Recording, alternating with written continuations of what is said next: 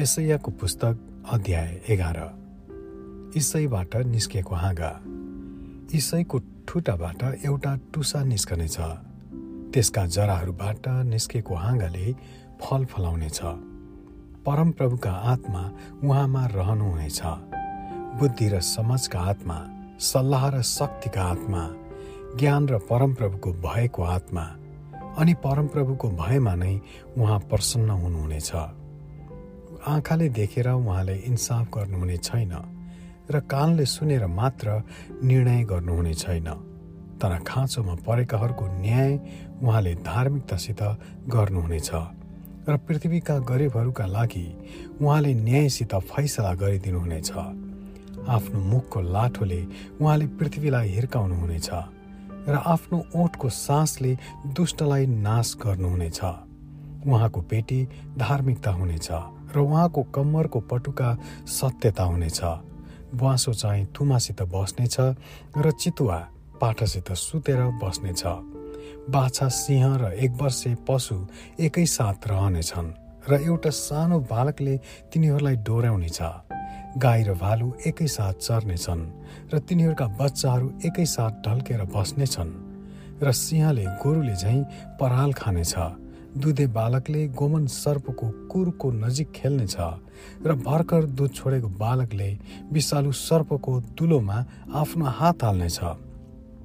तिनीहरूले मेरा सबै पवित्र पर्वतमा न त केही हानि न नोक्सानी गर्नेछन् किनकि समुद्र पानीले भरिए झै पृथ्वी परमप्रभुको ज्ञानले भरिपूर्ण हुनेछ। इजरायल र यहुदाको विजय साथ आगमन।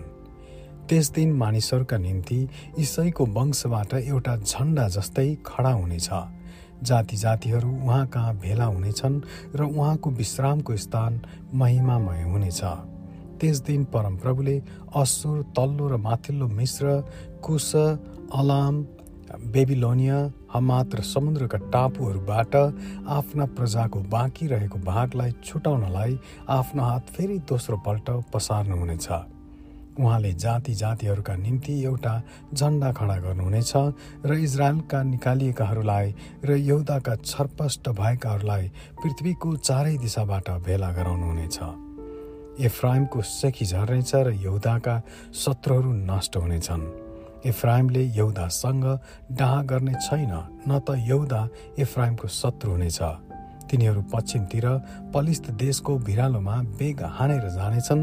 तिनीहरूले मिलेर पूर्वका मानिसहरूलाई लुट्नेछन् र तिनीहरूले एदोम र मोआबमाथि हात हाल्नेछन् र अम्मोनीहरू तिनीहरूका अधीनमा हुनेछन्। परमप्रभुले मिश्र देशको समुद्रको खाडीलाई बिल्कुलै सुकाउनुहुनेछ। उहाँले युफ्रेटिस नदीबाट लुहसित आफ्नो हात चलाउनुहुनेछ र त्यसलाई सातवटा खोलाहरूमा विभाजन गर्नुहुनेछ। र त्यसमा मानिसहरू जुत्ता लाएर सुक्खै तरेर जानेछन्। आफ्ना प्रजाका बाँचेको भागको निम्ति असुरबाट आउनलाई एउटा यस्तो मूल बाटो हुनेछ जसको मिश्र देशबाट आउँदा इजरायलको निम्ति भएको थियो। आमेन।